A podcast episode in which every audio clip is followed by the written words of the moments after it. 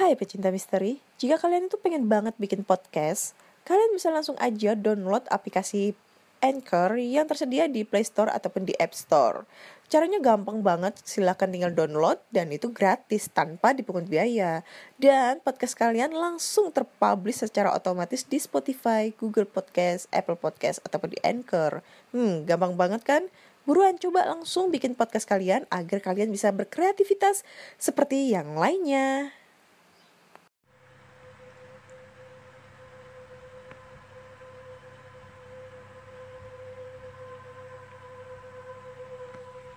Hai semua, jumpa lagi dengan aku Ana di podcast kisah horor.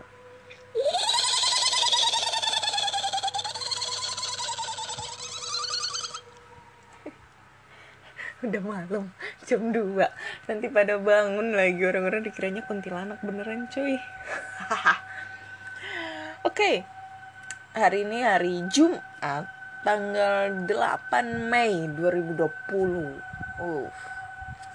Dan katanya sih denger rumor-rumor kalau ramalan itu hari ini hari kiamat atau apa aku juga gak paham ya yang lagi rame banget di medsos. Ya terkait itu semua ya kita mendoakan semoga semua yang ada di dunia ini semua orang yang ada di sekitar kita tuh mendapatkan kesehatan mendapatkan selamat dilindungi sama yang di atas. Amin amin ya robbal alamin ini hari keberapa ya puasa ya? Kita mulai puasa dari tanggal berapa ya? 24 ya?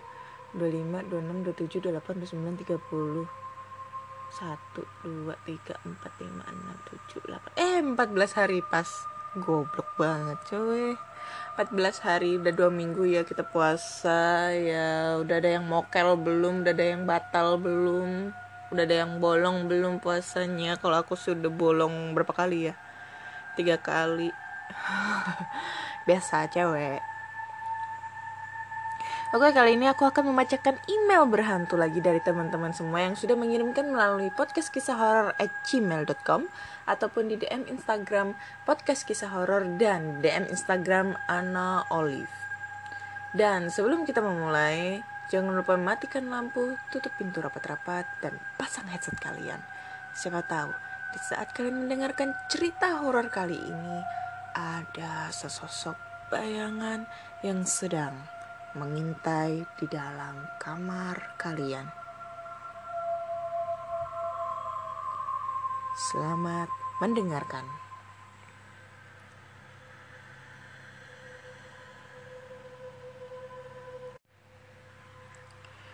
Oke, udah ada beberapa cerita yang udah masuk dan aku akan memulai membacakannya.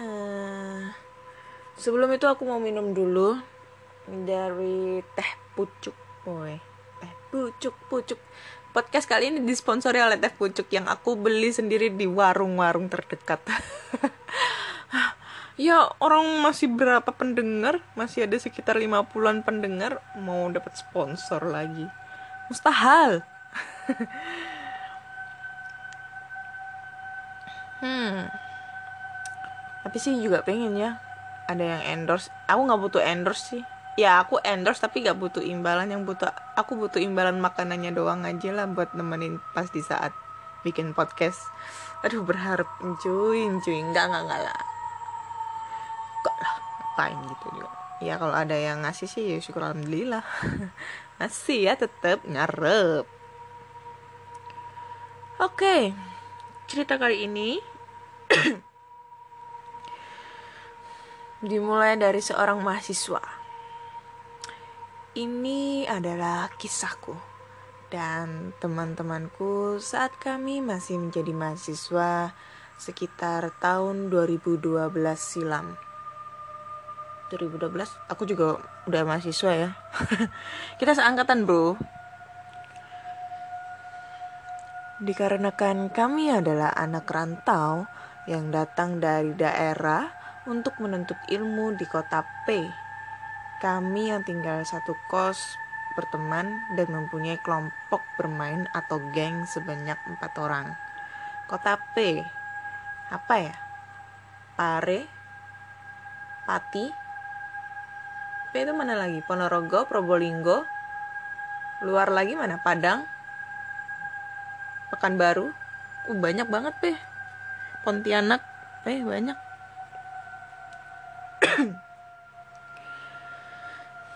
Selain berteman dengan sesama anak kos kami, kami pun juga berteman dengan tetangga di sana. Kami berteman dengan warga di sana yang namanya Sari. Ia adalah ibu muda, namun gayanya masih seperti anak muda. Akan tetapi, ada yang berbeda dengan Bu Sari ini. Ternyata auranya dipenuhi dengan aura mistis, yaitu ia ditempeli oleh beberapa jin, di mana jin itu sering merasuki badannya saat ia marah atau emosi.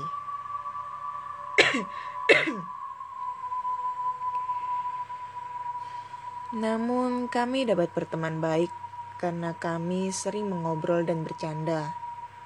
Karena sudah akrab, ia sering kali meminta kami berempat untuk tidur menemani ia di rumah di malam hari saat suaminya bertugas. Awalnya kami tidak merasa keberatan dan enjoy, namun lama-kelamaan kami merasa enggan karena terlalu sering diajak untuk bermalam Terlebih, terlebih kami mengetahui bahwa ia sering kesurupan. Dan pastinya kami yakin di rumahnya banyak hantu.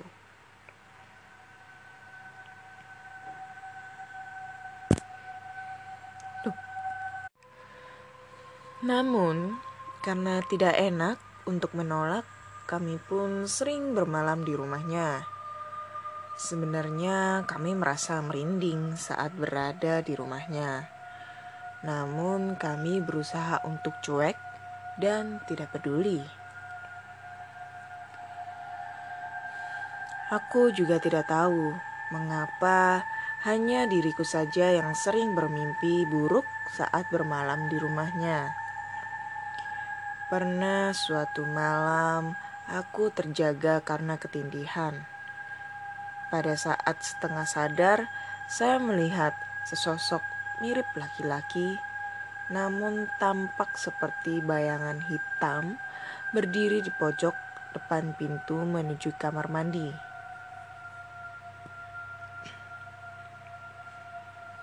Aku melihat ia sedang menatap tajam ke arahku.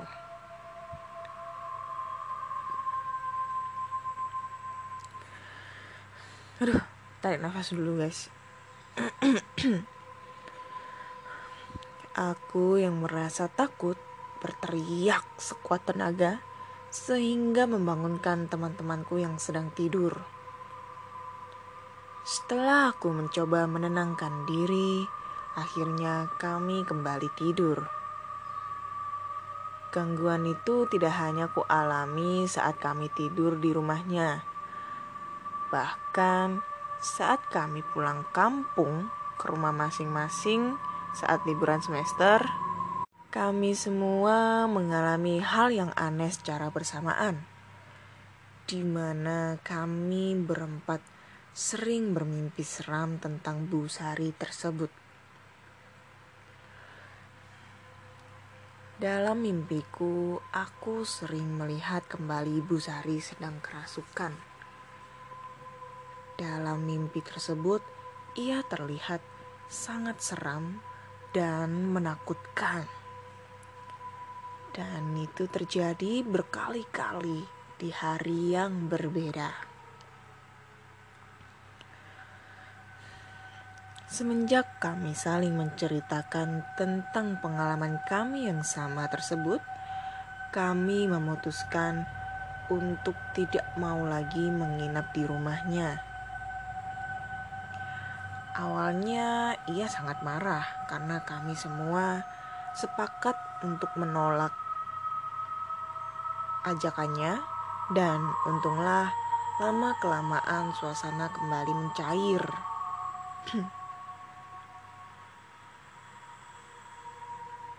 Dah, udah ceritanya.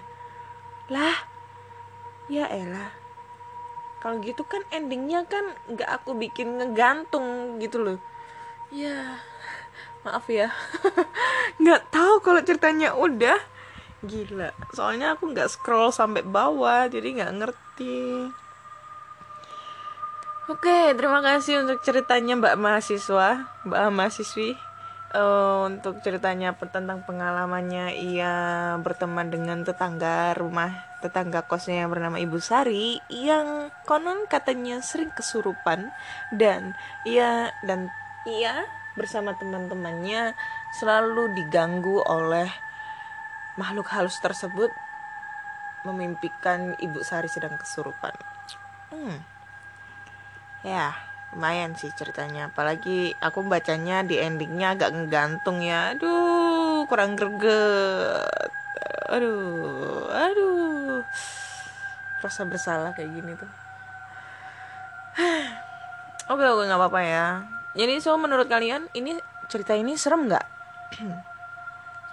Kalau kalian punya cerita lebih serem lagi kalian bisa kirim aja ceritanya di podcast kisah horror at gmail.com bisa berupa ketikan ataupun berupa voice recorder. Nanti pasti aku cantumin di Spotify ataupun di YouTube.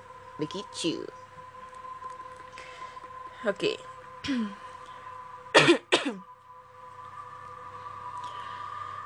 Cerita kedua.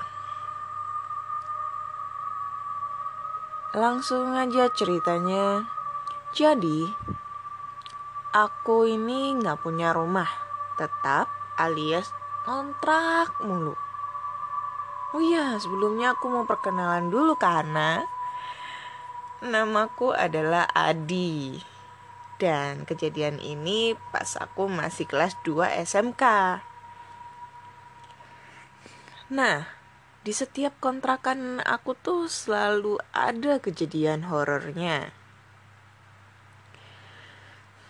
Seenggaknya sesekali deh, pasti ada.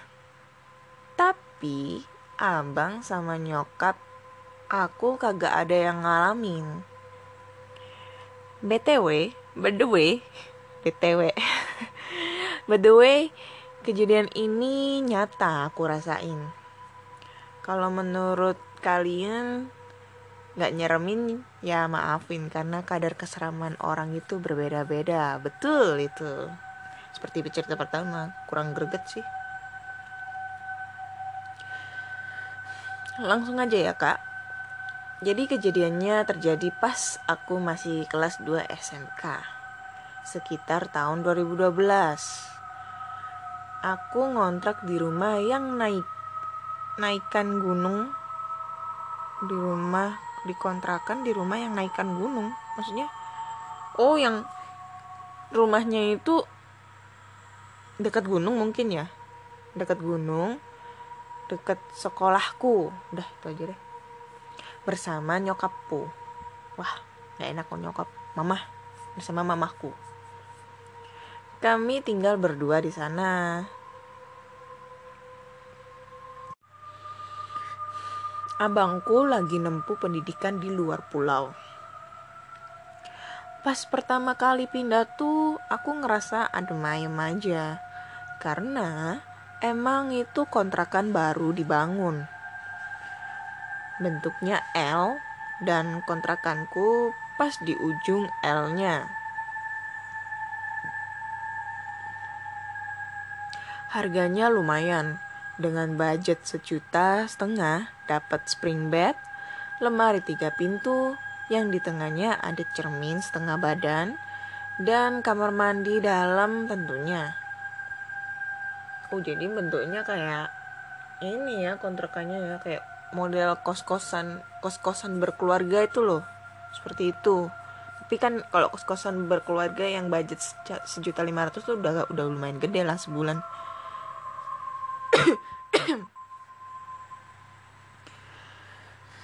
Di malam pertama aku tidur nyenyak. Tapi enggak di malam kedua. Aku dan mamaku tidur satu ranjang. Aku tiba-tiba kebangun dan refleks ngecek HP dan aku masih inget banget Waktu itu pukul 2 lebih 13 pagi.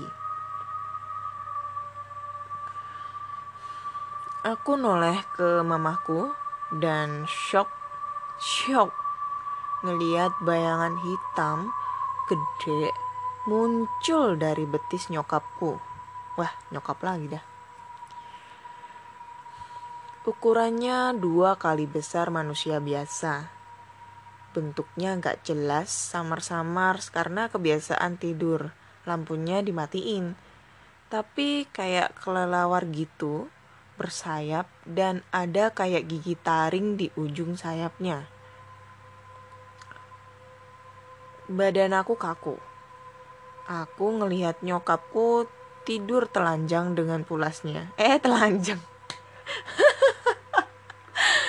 ah, salah ngomong, guys. Aduh, gelo deh. Salah ngomong telanjang, gila. Aduh, aduh, aduh. Ini pikiranku kenapa ya ngomong telanjang. Goblok banget, dan telentang bego. Ini beneran telentang ini, bukan telanjang, sumpah deh. Ini aku salah ngomong nih. Aduh, porno banget sih pikiranku kali ini. Aduh, VPN mana VPN? Ayo, aku ulang ya. Aku lihat nyokapku tidur telentang dengan pulasnya. Nah, ini baru bener telentang, bukan telanjang. Ah, bego lah.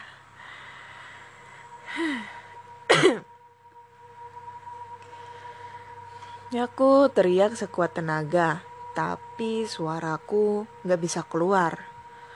Lalu si makhluk itu ngelihat ke arahku dan ngelihat mata warna merah menyala kayak lampu belakang motor atau mobil gitu. Dua biji dan mukanya yang sama sekali nggak terdeteksi sama aku, sama aku. Nggak sampai hitungan sedetik makhluk itu tepat berada di hadapanku dan jaraknya antar muka kami nggak sampai 5 cm.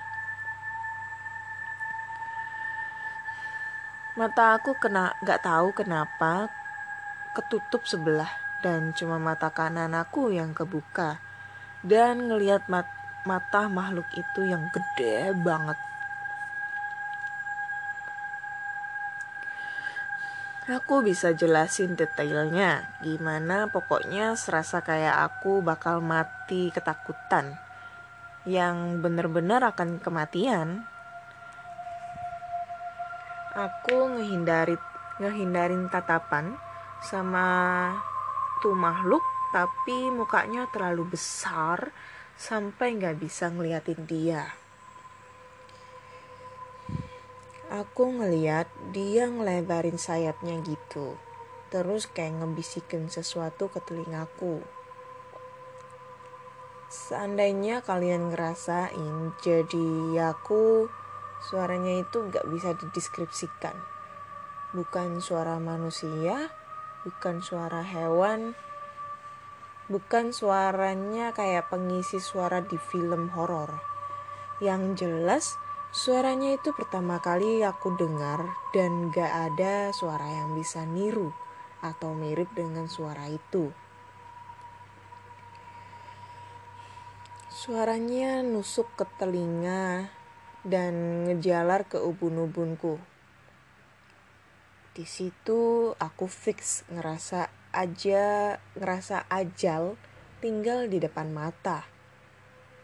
Tapi tiba-tiba makhluk itu hilang dan aku bisa bernafas. Kakiku lemes banget, tanganku gemeteran. Aku gak berani noleh ke arah nyokap, bahkan buat ngelirik ke arah lain aku masih takut setengah mati. Lama banget aku ngatur pernafasan, ngumpulin nyawa buat bergerak, baru aku berani ngelihat HP ku. Dan pukul 2 lewat 15.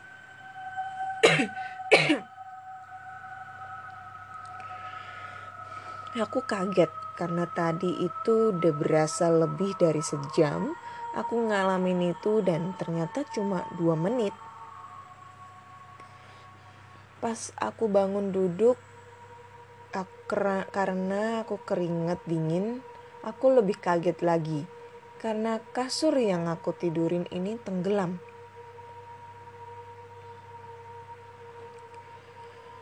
Maksudnya kayak ada bobot yang berat banget di tempat tidur aku ini sampai kasurnya kemasuk ke dalam. Aku lihat nyokapku tidur membelakangiku. Aku gak berani bangunin atau sentuh karena aku takut. Seandainya itu bukan nyokapku, melainkan makhluk itu, gimana coba? Ya gak tahu. aku pindah posisi ke samping bekas aku tidur yang tenggelam itu. Aku berusaha tidur dan cukup lama sampai aku bisa tidur. Paginya seperti biasa sampai nyokap aku ngeluh-ngeluh sakit dan aku lihat betis nyokap aku memar biru-biru. Dan itu betis di mana aku lihat si makhluk itu megang betis nyokapku. Sejak itu aku butuh waktu lebih dua minggu tidur dengan lampu nggak dimatiin. Karena nyokap aku heran, karena biasanya malah aku yang selalu minta dimatiin, tapi tumben malah aku maksa jangan dimatiin. Kejadian aneh lainnya lagi, Lampu di teras belakang kontrakan selalu mati. Padahal lampunya baru beli. Pas dicek, sambungan listrik masih bagus. Pas malamnya, aku kebelet pipis dan lampu belakang teras itu kelihatan dari sampingan kamar yang ada jendelanya ke arah kamar mandi. Aku nekatin diri lewatin daripada ngompol di celana dan dimarahin nyokap. Pas aku lewat, tiba-tiba ajaibnya. Lampu itu nyala terang banget. Anya, anya gede, eh anya gede, anya banyak terang banget. Warnanya putih bersih. Aku bersyukur karena nggak gelap. Kalau gelap, aku takut ketemu makhluk itu lagi. Sekembalinya aku dari kamar mandi, itu lampu berubah jadi kuning. Kuning. Ingat awalnya putih. Dan tiba-tiba lampunya kedap-kedip sendiri. Ajib, ajib, ajib, ajib. ya aku gak pernah loh datang ke tempat-tempat gituan. An aku langsung lari dan loncat di atas kasur sambil meluk tangan nyokapku. Masih ada dua cerita lainnya di kontrakan aku yang itu tentang rambut di plafon dan laki-laki di cermin. Aku herannya padahal itu kontrakan baru, tapi kok banyak yang aneh-aneh. Bahkan nyalahin kejadian yang aku alamin di rumah tukang bakso di mana aku ngelihat pengantin Jawa loncat dari tangga. Sekian kak ceritaku kali ini dan terima kasih sudah dibacakan. Sukses selalu buat kakak dan podcast kisah horornya. Oke, terima kasih Adi. Lah, Adi ya? Adi kok tidur bareng nyokap ya? Ini tapi kebanyakan sih eh tapi ada loh namanya Adi dia itu cewek kayak temenku namanya Febri cewek ya banyak sih. Kebanyakan namanya itu hampir mirip-mirip cowok. Itu banyak banget sih. Febri, Rizky. Kan bisa dipakai nama cewek bisa dipakai nama cowok juga kan? Nggak kecuali juga Adi. Dan ini makanya aku agak salfok sama yang aku baca. Aduh goblok banget sumpah.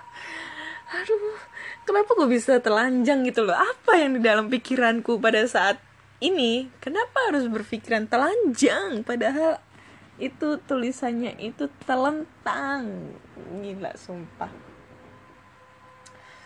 Aduh malu-maluin aja anak apa yang dalam oh mungkin ini efek aku belum nikah nikah ya.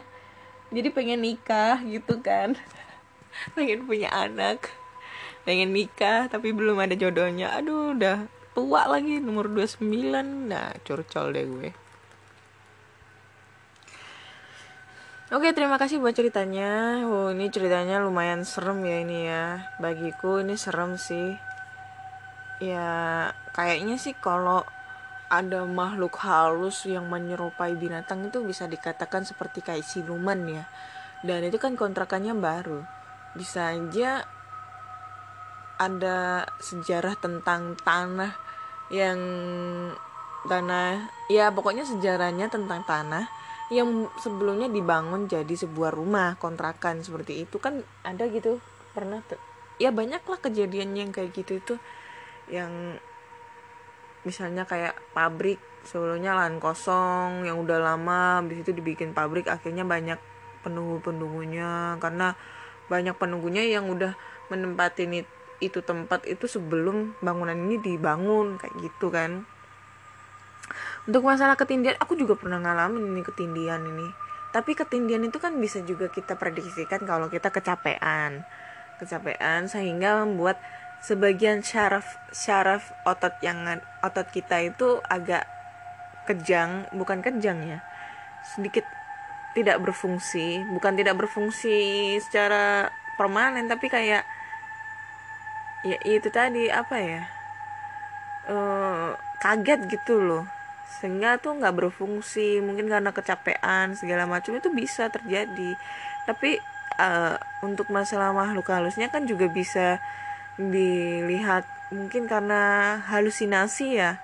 Karena kan identik kalau kita nggak bisa gerak badan uh, halusinasi kita itu kayak ya ketindian ketindian ketindian. Akhirnya kan tersuges membentuk suatu sosok yang menurut kita itu yang sangat menyeramkan gitu loh. Makanya dulu kan aku pernah ketindian dan aku sugesnya itu yang menindih badanku tuh Mbak Kuntil itu. Mbak Kutil. Mbak Kuntil duduk di di dadaku gitu kan. Bukan duduk sih dia tepatnya berdiri. Berdiri di dadaku gitu. Nggak nggak nggak nunjuk nunjuk muka ke muka nggak aduh. Sakit banget ya. Itu sih. Oke lanjut ke cerita ketiga cerita terakhir. Ini datang dari dari siapa ini? Datang dari Rizky Febian lagi. Rizky Febrian. Rizky Febrian uh, gmail.com lalu email ya. Dan dia akan bercerita tentang pengalamannya. Jadi begini kak. Aku yang bekerja sebagai room boy di sebuah hotel bintang 5 waktu itu aku, uh, salah salah salah. Bacanya aku dulu. Ini salah dia yang ngetiknya Aku dulu bekerja sebagai room boy di sebuah hotel bintang 5. Waktu itu aku ke bagian shift malam. Dan tugas bersihin kamar di lantai 17. Malam itu hotel lagi sepi. Nggak ada tamu yang menginap di lantai ini. Cuma ada beberapa kamar yang baru ditinggal check out tamunya tadi sore. Aku langsung keluar koridor. Suasana sepi mencek mencekam menyambut di lantai ini. Aku langsung menuju kamar 1728 yang berada di ujung koridor. Aku dorong troli menyusuri koridor Nggak tahu kenapa perasaan jadi gak enak pas mau lewatin ruangan bekas restoran di tengah koridor. Dan jalan sambil lihat ke rumah ruangan itu cuma ada bangku dan meja-meja yang masih tertata rapi. Akhirnya sampai di kamar 1728, aku masuk dan mulai bekerja. Di tengah-tengah lagi kerja, kaget dengar suara langkah orang lari di koridor. Dalam hati, siapa ya? Perasaan gak ada tamu deh. Mulai merinding. Aku beranikan diri keluar. Lalu aku lihat sepanjang koridor gak ada siapa-siapa. Makin merinding, suara cewek cewek menangis dari arah ruangan bekas restoran itu. Eh, salah. Makin merinding, tapi terus aku lanjutin bersihin kamar. Pas selesai berniat ngerjain kamar depannya, baru mau buka pintu, kayak ngedengar suara cewek menangis dari arah ruangan bekas restoran itu. Sontak jantungku berdetak dengan kencang. Mana sepi banget nih lantai. Aku sendiri bingung, aku sendiri bingung tuh. Pengen lanjut ngerjain apa turun. Kalau turun, masalahnya lift berada di ujung koridor barat. Mau gak mau harus lewatin ruangan itu. Karena perasaan sudah gak enak, aku berniat turun. Dorong troli menuju lift. Ketika sampai di ruangan itu, gak tahu kenapa troli jadi berat banget. Aku dorong gak bisa, kayak macet rodanya.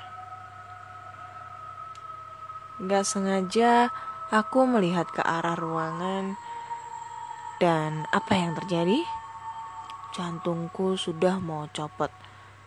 Ketika ngelihat cewek lagi duduk pakai baju putih, mukanya ketutup rambut panjang menyentuh lantai. Aku lari secepatnya, ninggalin itu troli sambil terdengar suara khas ketawa kuntilanak.